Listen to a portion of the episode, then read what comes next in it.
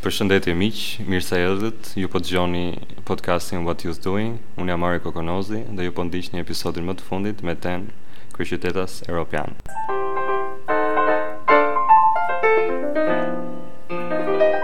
Përshëndetje përsëri, ju që na ndiqni këto ditë të nxehta vere. Data sot shënon 12 gusht dhe kjo përkon me ditën ndërkombëtare të rinisë. Kjo ditë është iniciuar nga Organizata e Kombeve të Bashkuara si një ditë ku adresohen çështjet e të rinjve dhe ku çështjet e të rinjve ngrihen në tryeza më të larta. Nga ana tjetër, ju ftoj që gjithmonë të na ndiqni në Apple Podcast, në Spotify dhe në Google Cast. Pa humbur kohë, gjithashtu dua që ta lidh këtë ditë të veçantë edhe në kontekstin shqiptar dhe për këtë sot do të flasim gjithashtu dhe për titullin që Tirana ka fituar, i cili është kryeqyteti europian i rinisë për vitin 2022. Dhe për të folur më tej për këtë temë, sot kemi ftuar Dafina Pecin, Drejtore Ekzekutive e Kongresit Rinor Kombëtar. Dafina, përshëndetje. Përshëndetje Mario, ju falenderoj për ftesën, është kënaqësi të jem këtu sot në Ditën e Rinisë pranë jush në një bisedë sa miqësore, aq edhe informuese për ata që na ndjekin. Okej, të faleminderit Dafina. Atëherë pa humbur kohë, unë dua që të të bëj një pyetje, pak a shumë për t'u futur në temë dhe dua të të pyes se si e shikon ti sot rininë shqiptare, domethënë ku ndodhet rinia shqiptare, çfarë po bën, ku po mundohet të shkojë dhe një një overview të përgjithshme për këtë për këtë situatë. Faleminderit për pyetjen Mario. Uh, faktikisht kjo pyetje është e vështirë, uh, sepse përgjigja nuk mund të jetë e thjeshtë, është uh, një përgjigje komplekse.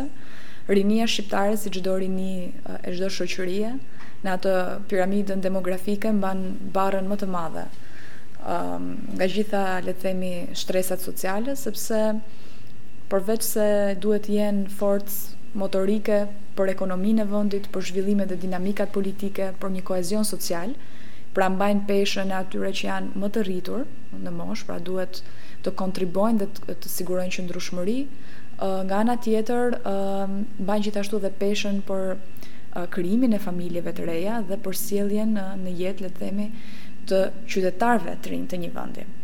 Prandaj të qëndrosh në mes të piramidës është shumë e vështirë, dhe sidomos kur je shtetas i një vendi si Shqipëria, që është në një rrugëtim të gjatë tranzicioni, me dinamika të cilat karakterizojnë vendet në zhvillim e sipër dhe mbase jo aq mundësuese për zhvillimin e gjeneratave të reja. Rinia shqiptare sot është një një rini e cila në të gjitha ato kanale komunikimi që ne kemi ndërtuar me, duke marrë shkas dhe nga aktivitetet dhe nga takimet që kemi zhvilluar nëpër gjithë Shqipërinë, kontakti që kemi patur me organizata rinore, me grupe aktive, anketime, intervista, apo formate të ndryshme, ku ne kemi mundësin të marrim mendimin e tyre, është një rini e cila vuan në tre aspekte kryesore. Pikë së pari në punësim cilësor, që i ofron mundësinë të zhvillohen, por dhe të kenë një farë dinjiteti, në një edukim, një sistem edukimi gjithëpërfshirës dhe inovativ, i cili mungon.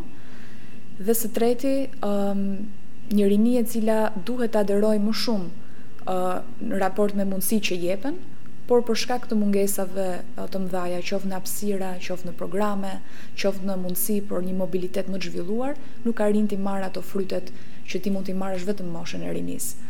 Prandaj do të thoja që rinia shqiptare gjendet në le të themi në një momentum që ka mungesa, por nga ana tjetër është e detyruar, është e shtrënguar që t'i jap dhe të investohet, sepse vendi ynë nuk ka qenë asnjëherë më pranë suazës europiane, nuk ka qenë asnjëherë më pranë aderimit në Bashkimin Europian dhe nuk ka qenë asnjëherë më pranë një, le të themi, gjendjeje apo statusi më të zhvilluar se ç'jemi konkretisht, më se ç'jemi aktualisht. Prandaj duhet të kapë momentumin dhe të të kthehet në forcë kontributore paçka vështirësive dhe sfidave që has. Okej, le të flasim pak tani për titullin e fituar, që është Tirana si kryeqyteti europian i rinisë. Si lindi kjo indicje, si si erdhi ky motivim, a ka pasur shembuj suksesi apo si u pa e nevojshme që Tirana të aplikonte për një titull të tillë dhe sikundër kush ishin dhe aktorët të cilët u përfshinë në mhm. gjithë këtë mhm. aplikim. Po, titulli Tirana Kryeqytet i të Rinjve për vitin 2022 është një titull i cili um, ka ardhur si një njohje, si një vlerësim nga Forumi Rinor Europian, që është organizata më e madhe europiane rinore, një organizatë e cila mbart në network-un e saj përfaqësi nga të gjitha shtetet europiane dhe joeuropiane, dhe le të themi që është kontributorja kryesore për zhvillimin e politikave rinore europiane apo edhe për garantimin e skemave të ndryshme të financimit për programe dhe projekte që implementohen anembanë Europës. Ky titull i është atribuar një pune të përbashkët të Kongresit Rinor Kombëtar dhe Bashkisë së Tiranës dhe në konkurrencë me shumë qytete tjera europiane arritëm ta sillnim këtë trofe që është sa vlerësim është edhe përgjegjësi për ne dhe punë në Shqipëri për vitin dy mijë e njëzet e dy. Me pak fjalë, titulli mbart në vetvete tetë programe kryesore, të cilat synojnë jo vetëm të investohen më tepër në tetë tematika, por edhe të financojnë dhe të mbështesin punën e organizatave rinore, grupimeve të caktuara jo formale apo individëve të cilët kanë ide shumë të mira, t'i mbështesin konkretisht që t'i implementojnë nismat e tyre. Për të arritur deri tek sjellja e titullit këtu është dashur një punë e gjatë.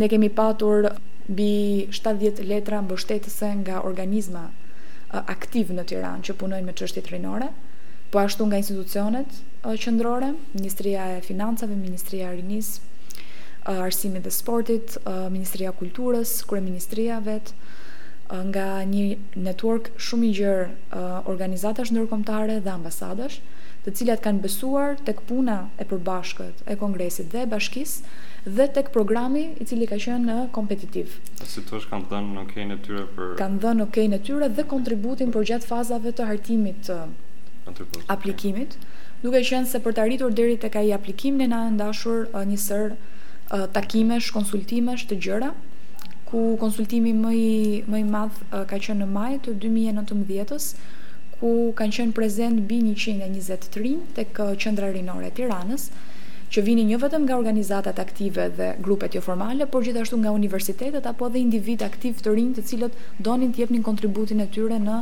le të themi, modelimin, dizajnimin e matricës. Në afat kohor, sa ka zgjatur gjithë procesi i aplikimit, që nga ideja për të aplikuar po, deri në po, marrjen e titullit? Po, ka qenë një punë kolosale e shtrirë në një hark kohor më gjatë se sa një vit. Pra inspirimi është marrë në vitin 2018 nga Novi Sadi, cili ishte qyteti i parë i rajonit të Ballkanit Perëndimor që e solli atë titull më pranë nesh, le të themi, ne ishim të ftuar për ta përshëndetur atë titull edhe për të për të kuptuar më tepër se si ata do e implementojnë, si do e aplikojnë. Dhe aty ne u inspiruam së bashku me një numër të caktuar organizatash aktive të Tiranës dhe nën mbështetjen dhe bashkëpunimin e Bashkisë Tiranë ta sillnim këtë titull në Shqipëri. Puna ka filluar menjëherë.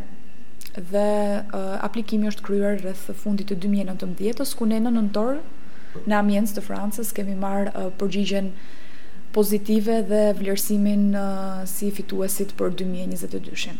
Për një të ri, ok, si unë dhe si shumë të tjerë që kur e dëgjojnë këtë titull që ok, Tirana do jetë kryeqyteti europian i rinisë për vitin dy mijë e njëzet e dy. Çfarë do të thotë? Ka mënyra për të kontribuar? Çfarë përfshin programi? i që besoj se quhet Active Youth, mm-hmm, mos gaboj. Activate. Mm-hmm. Activate Youth dhe si do përfshihet një i ri i cili ka dëshirë të japë kontributin e tij. Mm-hmm. Për një të ri, um, unë do ta kategorizoja në tre aspekte, um, angazhimin, mundësitë për angazhim apo përfitimin e të rinjve në kuadër të titullit. Pikë së pari, matrica e tetë programeve parashikon qindra projekte të cilat do financohen dhe rreth 1000 aktivitete që do kryhen në një hark kohor prej treqind e gjashtëdhjetë e pesë ditësh. Pra do kemi mesatarisht dy, tre, tre, katër aktivitete në ditë, ku të rinjtë mund të jenë aderues dhe përfitues um, në aktivitete të cilat i përkasin fushave nga më të ndryshmet, duke nisur që nga inovacioni dhe punësimi, edukimi cilësor dhe gjithëpërfshirës, hapësirat publike për të rinjtë, siguria sociale, um, politikat e gjelbërta dhe zhvillimi i qëndrueshëm, të qenurit europian, diversiteti, të drejtat e njeriut, e me radhë. Pra, ka një konglomerat tematikash dhe fushash ku të rinjtë do e gjejnë veten medoemos, mos tek njëra, tek tjetra. Aspekti i dytë që të rinjtë mund të jenë përfitues të drejtpërdrejtë është që të jenë ata që aplikojnë projektet apo aktivitetet. Pra, nëpërmjet angazhimit në organizata rinore, në grupe rinore joformale apo qoftë dhe si individë, Përveç matricës ekzistuese, ne do kemi mundësi në shtator, për një hark kohor trejavor, të hapet thirrja për projekte dhe ide të cilat nuk janë pjesë, por do jenë pjesë e matricës së titullit. Mundësia e tretë për për të rinjtë nga Tirana është që nëpërmjet komponentit të mobilitetit dhe shkëmbimit me të rinj të tjerë nga rajoni dhe nga Europa, të krijojnë ura bashkëpunime, njohje të reja, dhe mundësi për përfshirje edhe në organizata të cilat janë partnere të titullit dhe kemi projekte të përbashkëta me jashtë kufinjve të Shqipërisë. Mendoj që nuk është pak të kesh një kalendar të dedikuar vjetor me një mijë aktivitete, por nga ana tjetër nuk është pak të shohësh institucionet qendrore lokale dhe faktorin ndërkombëtar të investohet totalisht dhe seriozisht në një vit vetëm për rininë. Unë kështu do ta përmblidhja, por sigurisht nëse do i shkonim në detaje pastaj do kishte shumë gjëra për të folur. Ok, janë tetë tema, do më thënë tetë fushat ku do të bazohet projekti, gjithë programi viti 2022, po le të ndalemi për shëmbull tek të rinjtë janë europianë, që është një nga tetë pikat. Dhe si do të Ok, si do të funksionojë gjithë, a ka një organizatë e cila është aderuse, e cila është e para në front, apo është thjesht e lënë në dorë të, të rinjve, që sapo përmendët që në shtator do ketë thirrje për ide. Mhm. Pra si do të funksionojë, për shembull në rastin e kësaj, që mhm. është mm -hmm. të rinjtë janë europianë. Secili program uh, konsiston në pikësëpari në projekte të cilat do aplikohen nga vetë organizatat, individët apo grupimet.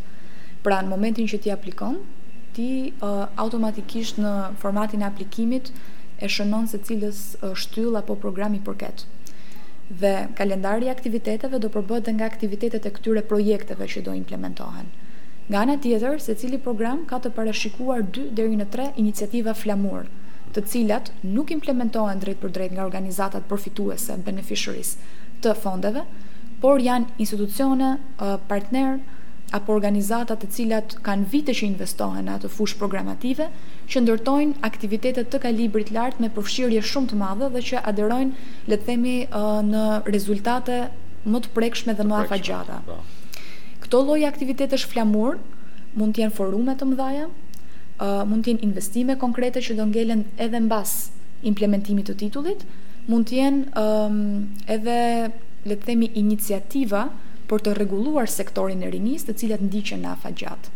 Më shumë mu nuk më lejohet të zbuloj sepse kalendari i plotë dhe shumë informacione të tjera ne do i bëjmë, do i lançojmë me një janar të dy mijë e njëzet e dyshit. se një janari shënon edhe, le të themi, datën zyrtare të lançimit të titullit në terma konkretë. Mirëpo, mënyra se si është menduar angazhimi i të rinjve është në kuadër të këtyre kalendareve bazuar në matricat e programeve.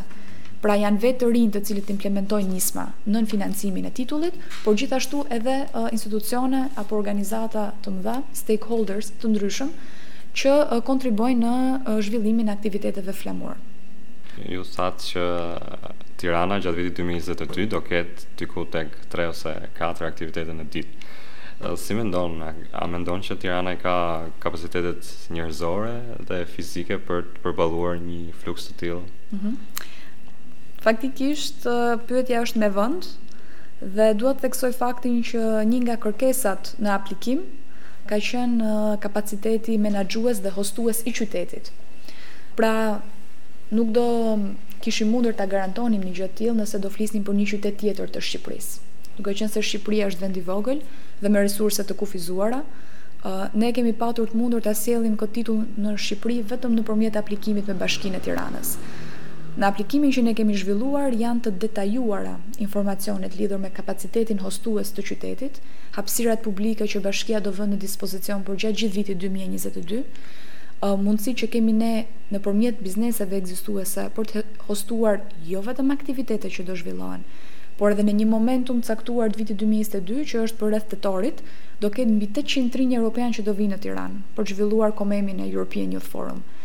Dhe gjithashtu kemi parashikuar staf që do punojë me kohë të plotë dhe gjithashtu staf që do punojë me kohë të pjesshme, mbi njëzet profesionistë që do angazhohen dhe do të jenë të dedikuar për implementimin e titullit përgjatë vitit dy mijë e njëzet e dy.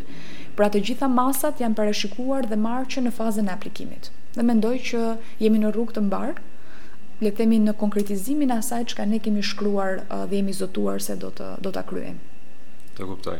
Atëherë le të ndalemi pak që përmende që do jenë diku tek 700 të huaj, të rinj të nga vendet e tjera, besoj të Europës, të cilët do do drejtohen drejt Tiranës për të kryer konferencën që ishte Asambleja e Përgjithshme e Forumit Rinor Europian. Okej, okay. mund të na thuash diçka më tepër për këtë asamble? Po. Uh, Forumi Rinor Europian ka një model pune të ngjashëm me këshillat kombëtar përfaqësues, kongreset rinore kombëtare, për shembull si Kongresi Rinor Kombëtar i Shqipërisë. Por në anëtarësinë e këtij forumi janë uh, të gjitha kongreset rinore apo këshillat rinor të vendeve europiane ose jo, por brenda kontinentit europian dhe gjithashtu organizatat e mëdha europiane, të cilat përmbushin një sërë kriteresh. Dhe duke qenë se Forumi Rinor Europian funksionon si një network i gjerë dhe divers, çdo dy herë në vit mbledh Asamblenë e Përgjithshme. Në atë Asamble të Përgjithshme diskutohen zhvillimet e Forumit deri në momentin e mbledhjes së Asamblesë dhe gjithashtu diskutohet mbi fushat e punës dhe prioritetet për në vazhdim.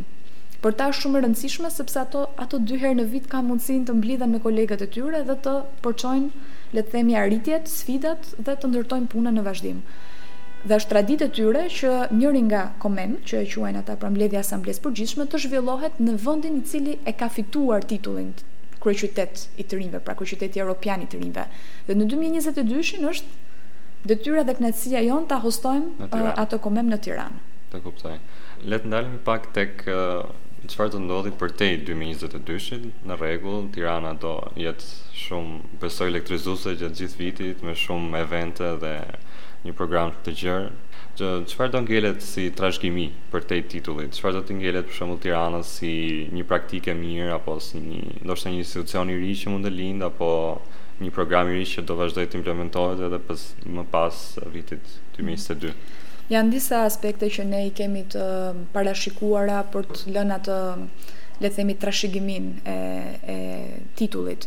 Pikë së pari është një, nëse mund ta quaj akupunkturë në në qytet, po jo vetëm në qendër të qytetit, po dhe në zonat më periferike, më rurale, më më të disavantazhuara, ku ne do investohemi me hapësira të vogla publike, pra do ketë investime të drejtpërdrejta, konkrete, të cilat do ngelen edhe mbas implementimit të titullit.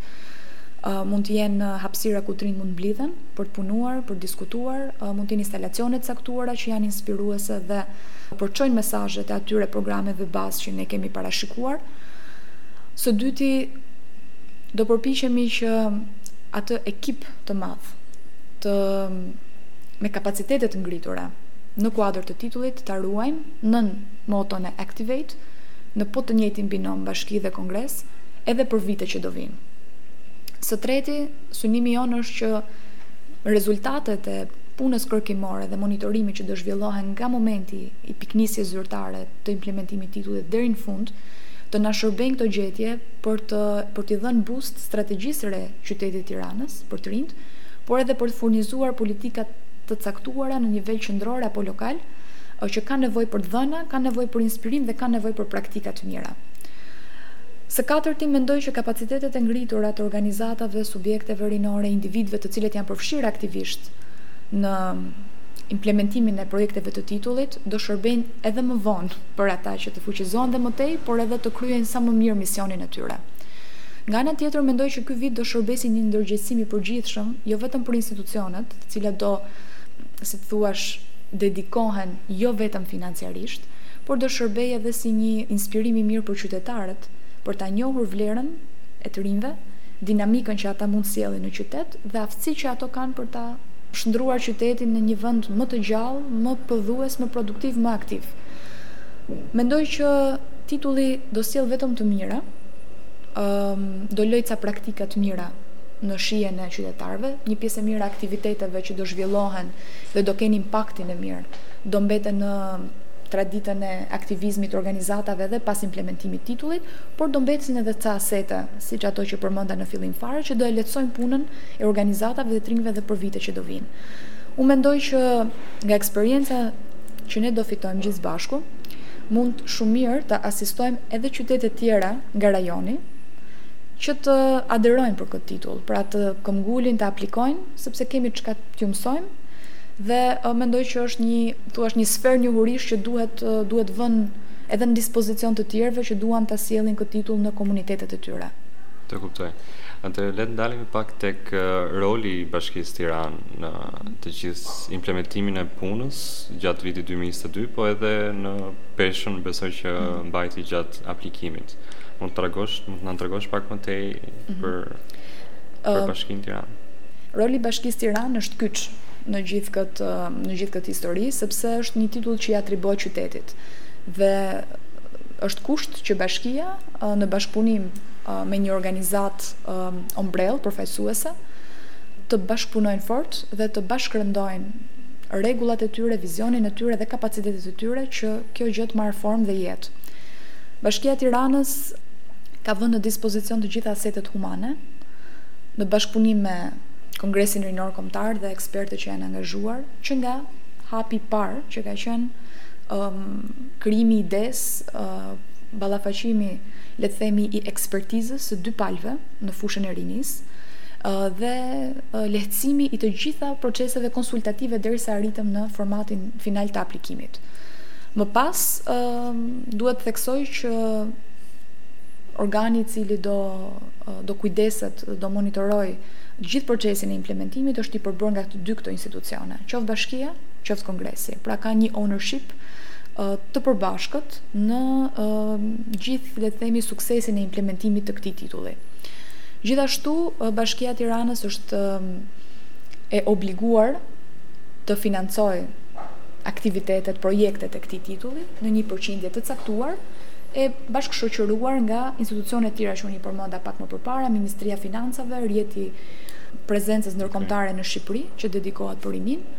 Por pesha e Bashkisë Tiranë është ajo më signifikantja, sepse është një kërkesë, është një must që vjen nga ideatorët e, e programit titullit.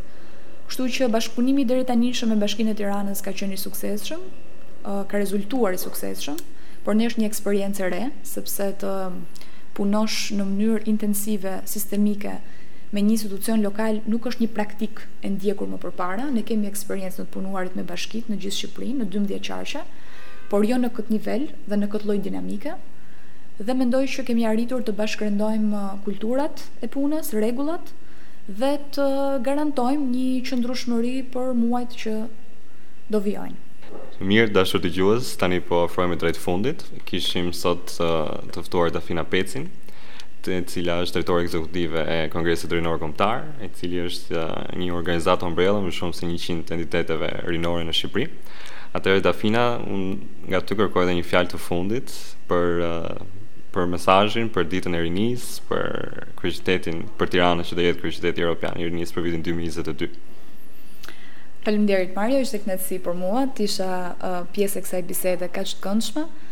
Mesazhi që un kam për uh, rininë, ato të rinj që ne na dëgjojnë, por edhe ato që s'na dëgjojnë, është që vitet e tyre të rinisë t'i vënë në dispozicion jo vetëm të ambicieve të tyre personale dhe profesionale, por ta shohin kontributin e tyre si një gur themeli për kohra më të mira dhe për asete të shtuara për gjeneratat që vijnë. Jo rastësisht rinitë në çdo lloj vendi kanë qenë pararojë e revolucioneve të mëdhaja, por edhe në qoftë se nuk kanë qenë revolucione të bujshme, kanë qenë revolucione të pazëshme. Sot ne trendin e inovacionit e njohim nga të rinjtë. Trendet e të menduarit ndryshe janë të rinjtë ata që na inspirojnë. Ajo gjeneratë mbi të cilën bien ato barrat e mëdha që i përmenda në fillim fare janë po të rinjtë. Por dhe koha e rinisë është koha më e bukur e jetës, kështu të paktën e thonë poetët edhe shkrimtarët e mëdhenj. Mendoj që duhet parë përtej ambicies personale dhe duhet secili i ri të ndjejë një obligim moral, për komunitetin, për shoqërinë dhe për shtetin në cilin jeton dhe dhe zhvillohet.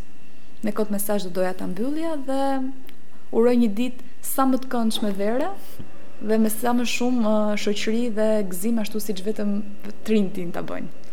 Okej, shumë faleminderit Dafina. Këtu i erdhëm në fund të podcastit. Ju dëgjuat episodin më të fundit të What Youth Doing me titull Kryeqytetas Europian. Mos harroni të na ndiqni në platformat si Facebook dhe Instagram. Gjithë të mirat dhe mirudëgjofshim nga Mario.